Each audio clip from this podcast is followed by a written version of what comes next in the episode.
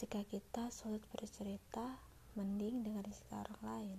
Barangkali ada yang mewakili isi hati kita.